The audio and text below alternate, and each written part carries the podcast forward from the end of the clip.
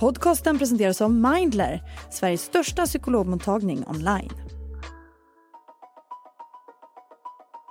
Donald Trump som USAs president, ja det har hänt förut, det kan hända igen. With your help, your love and your vote, we will put America first and we will make America great again, greater than ever before. De amerikanska primärvalen är igång och de allra flesta tror att den numera 77-årige Trump kommer att bli Republikanska partiets kandidat ännu en gång. Och att han dessutom har en god chans att vinna valet i november. Men det är inte samma Trump som ställer upp nu och många varnar för att han blivit mer extrem och mer radikal. He says, You're not going to be a dictator, are you? I said, No, no, no, other than day one. We're closing the border and we're drilling, drilling, drilling. After that, I'm not a dictator, okay? There was nobody tougher than me with Russia, and yet I got along with Putin. Let me tell you, I got along with him really well. And that's a good thing, not a bad thing. He's got 1,700 nuclear mi- missiles, and so do we. Before I even arrive at the Oval Office, I will have the disastrous war between Russia and Ukraine settled. Hur kommer det att påverka Europa om Trump blir president? Hur kommer det att påverka kriget i Ukraina? Vad kommer han att riva upp för avtal den här gången och vilka konsekvenser kan fyra år till med Trump få för Sverige? Det ska vi prata om i Aftonbladet Daily. Jag heter Olivia Svensson. Gäst i dagens avsnitt är Wolfgang Hansson, utrikespolitisk kommentator på Aftonbladet. Hej Wolfgang! Hej hej! Hur ser Donald Trumps inställning till Europa ut? Ja, den var ju dålig redan för fyra år sedan när han var eh, president och eh, den har inte blivit bättre sedan dess. Eh, han är ju ingen fan av Europa överhuvudtaget och skulle väl helst se att kontinenten inte existerade. Oj, oj, oj. eh, Vet man varför det är så starka känslor om Europa? Det är lite konstigt eftersom båda hans föräldrar härstammar ju från Europa. Eh, men de, delvis handlar det väl om att han ser Europa som en konkurrent och samtidigt som no något mindre stående än, än, än USA. Och så har, har han ju den här egenheten att han har väldigt svårt att umgås med demokratiska ledare. Han klarar sig väldigt mycket bättre när han träffar eh, auktoritära ledare eller di diktatorer. Då känner han sig mer hemma. Så han, jag tror inte han, han, han, han har aldrig riktigt känt sig hemma i Europa, i, och in, särskilt inte inom EU då. Du tog upp ledare nu. Hur ser relationen till eh, Europas ledare ut? Kanske jag tänker framför allt på de lite större länderna och de mer mäktiga länderna. Ja, alltså, nu är ju den relationen nästan eh, non-existent eh, eftersom det är ju ingen, det är ingen, jag menar Macron eller Scholz eller det är ingen av dem som åker över till USA och träffar Trump eh, i den händelse han skulle vinna valet i höst eller, eller någonting sånt utan eh, om det finns underhandskontakter är det svårt att veta. Men i stort sett så, så har eh, ledarna i Europa ingen, ingen kontakt alls med, med Trump i, i dagsläget. Finns det någon som han ändå kommer bättre överens med skulle man kunna säga? Ja, alltså, inom EU så finns det väl en ledare som han kommer väldigt bra överens med och det är Viktor Orbán i Ungern. Och där har vi ju ännu ett exempel på en auktoritär ledare eh, som Trump känner sig bekväm med att umgås med och han, han eh, har ju hyllat eh, Orban väldigt mycket. Eh, och han har ju haft nära medarbetare som Steve Bannon som har besökt eh, Ungern och, eh, för att se vad de eventuellt kan plocka upp därifrån. Och sen tidigare var väl också Polen eh, ett av Trumps favoritländer, men nu har ju Polen bytt eh, regering, så nu är det ju en, en liberal regering igen och då, då kommer säkert Polen hamna längre ner på Trumps lista. Och vad gäller dåliga relationer då, kan, finns det någon som utmärker sig som en, en riktigt dålig relation? Alltså, han har ju, Tyskland verkar ju vara, har ju alltid varit en hackkyckling för eh, Trump. Och förut så där var det ju Merkel som man hackade på eh, och nu är det ju Olaf Scholz är ju inte, tillhör ju inte heller eh, någon av Trumps favoriter. Eh, och det är väl också för att Tyskland är ju det mäktigaste landet i Europa och det är väl också ett sätt att liksom degradera det i jämförelse med USA, att liksom eh, tycka illa om dess ledare eller att inte respektera dess ledare. Eh, så att jag skulle säga att Tyskland är väl en, eh, den som betyder mest just nu. Eh, att, han har, att man inte har någon bra relation med. Sen har, hade han ju goda relationer ett tag med, Frans, med Macron, med Frankrikes president, eh, eftersom Macron var den som försökte stryka honom medhårs lite grann av Europas ledare och försökte förstå hur han funkade. Men på slutet så var ju den relationen inte heller särskilt bra. Eh, och de kommer ju få med varandra att göra på nytt ifall det är så att eh, Trump skulle bli vald. För Macron sitter ju kvar några år till som Frankrikes president. Vi ska prata mer om hur fyra år till med Trump kan påverka Europa när vi är tillbaka efter den här korta pausen. Ryan Reynolds här från Mint Mobile. Med priset på nästan allt som går upp under inflationen, trodde vi att vi skulle bring våra priser down. So to help us, we brought in a reverse auctioneer, which is apparently a thing. Mint Mobile unlimited premium wireless. Ready to get 30, 30, bit to get 30, bit to get 20, 20, 20, bit to get 20, 20, bit to get 15, 15, 15, 15 just 15 bucks a month.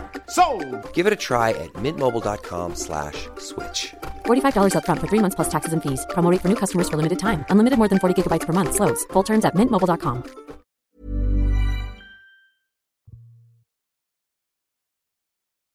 Om vi då pratar om de krig som pågår i Europa nu, dels så i Ukraina förstås, dels mellan Hamas och Israel. Vad vill Trump att USA ska ha för roll när det gäller den här, de här krigen? Alltså när det gäller Ukraina så vill ju Trump eh, att USA inte ska ha någon roll överhuvudtaget annat än att fixa fred.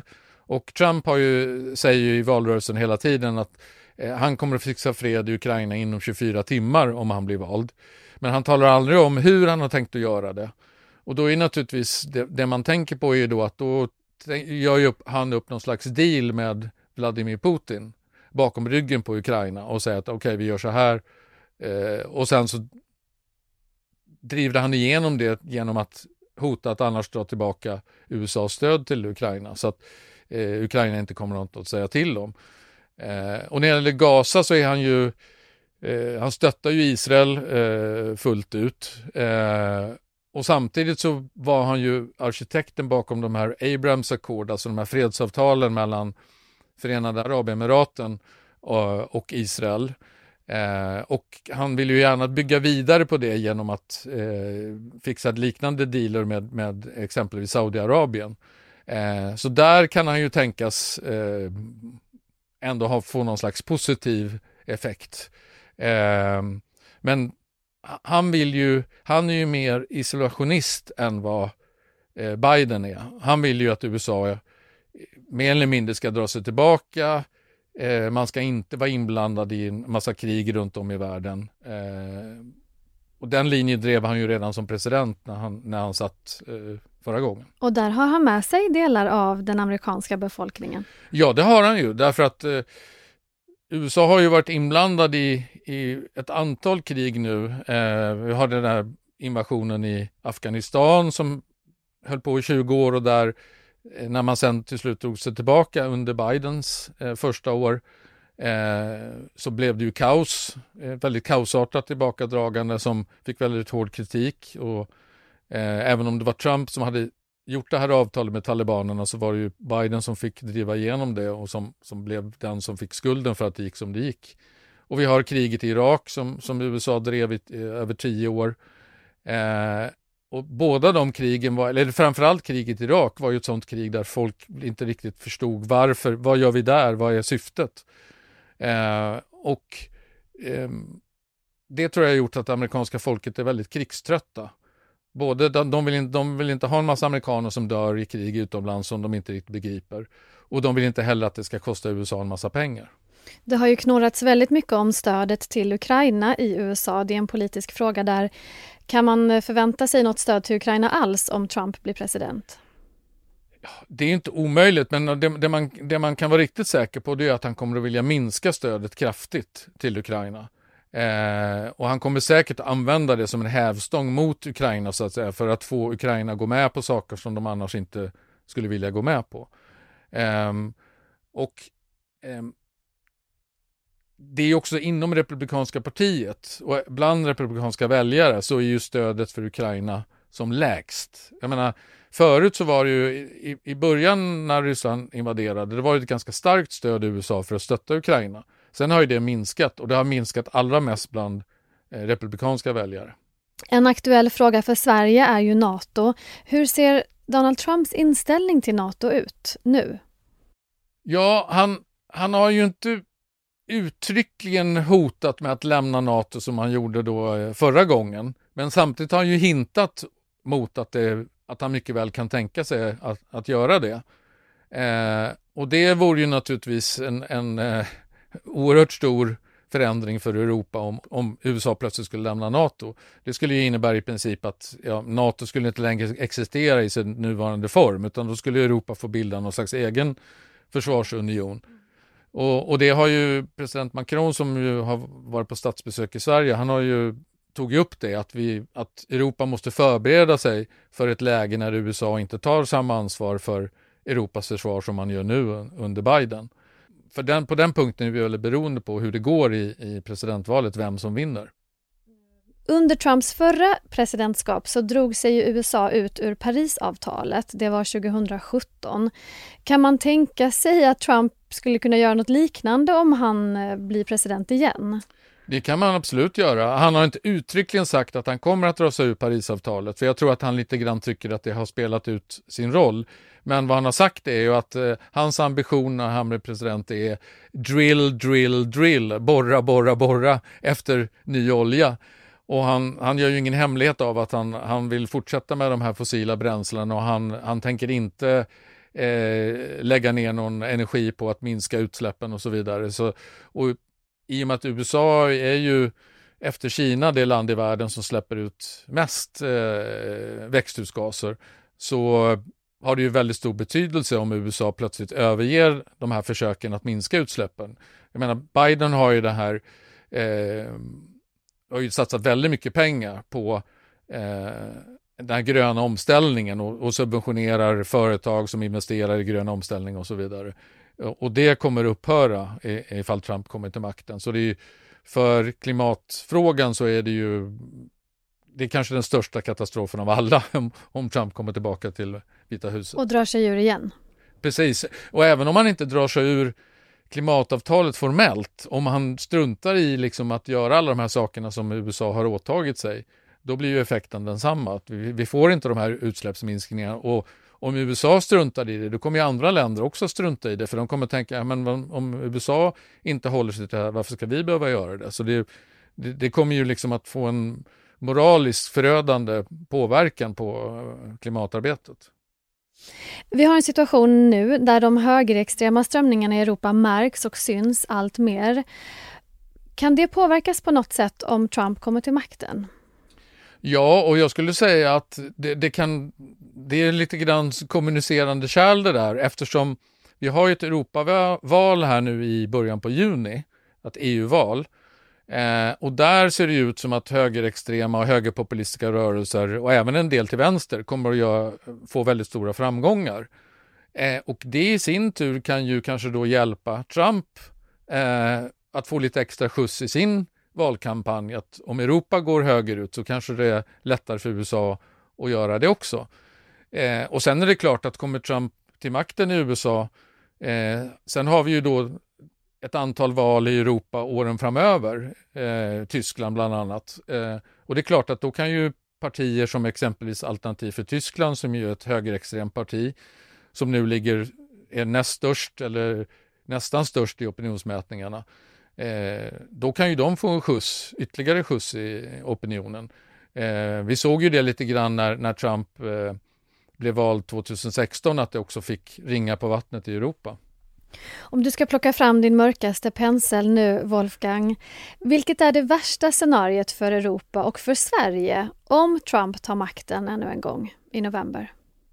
Ja, det värsta scenariot är väl att vi får eh, tillbaka det här kaoset, liksom att in, ingen vet, man vaknar varje morgon och undrar vad, vad, vad kommer Trump att hitta på idag? Eh, och man är, blir, är hela tiden orolig för att han ska eh, göra dåraktiga saker. Det är en del, men sen är det också rent konkret så är det ju att om han eh, upphör med stödet till Ukraina eh, så innebär ju det att det blir väldigt svårt för Europa att, att ersätta det och då är, ökar ju risken för att Putin kommer att vinna kriget och då ökar i sin tur risken för att den här liberala världsordningen i Europa sätts en, ännu, under ännu hård, hårdare tryck. Eh, och för Sverige så innebär ju det också ökade risker. Säg att eh, NATO inte längre, vi har knappt hunnit bli medlemmar än, eh, och NATO kanske liksom upphör att existera i sin nuvarande form. Eh, då kommer ju det också få allvarliga följder för Sveriges förmåga att försvara sig. Och hur troligt är det då att Trump vinner presidentvalet? Om han nu blir Republikanernas kandidat?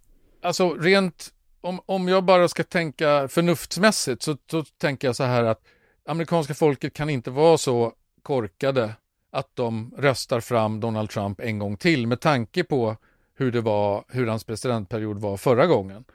Eh, det fanns ju ett skäl till att han inte blev omvald. Eh, han, han, står dessutom under ett, flera åtal, fyra stycken åtal. Han kan bli dömd redan innan eh, presidentvalet är över. Eh, men med det sagt så kan man ju absolut inte utesluta att han blir vald och det beror ju väldigt mycket på att Joe Biden är inte en särskilt populär president. Han, han är eh, dessutom väldigt gammal och han, han, hans ålder visar sig verkligen.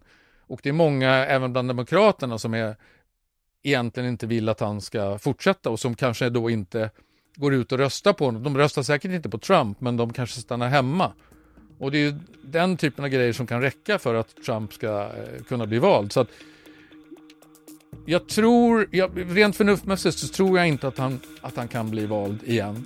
Men samtidigt så går det absolut inte att utesluta. Vad som helst kan hända. Absolut. Då tackar jag för idag Wolfgang. Tack.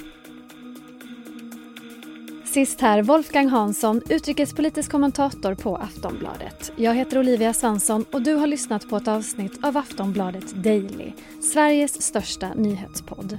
Vi hörs igen snart. Hej då.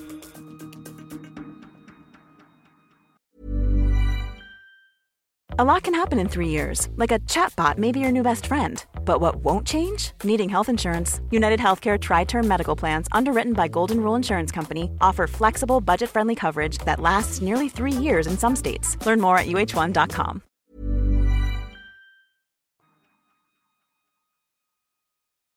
Du har lyssnat på en podcast från Aftonbladet. Ansvarig utgivare är Lena K Samuelsson.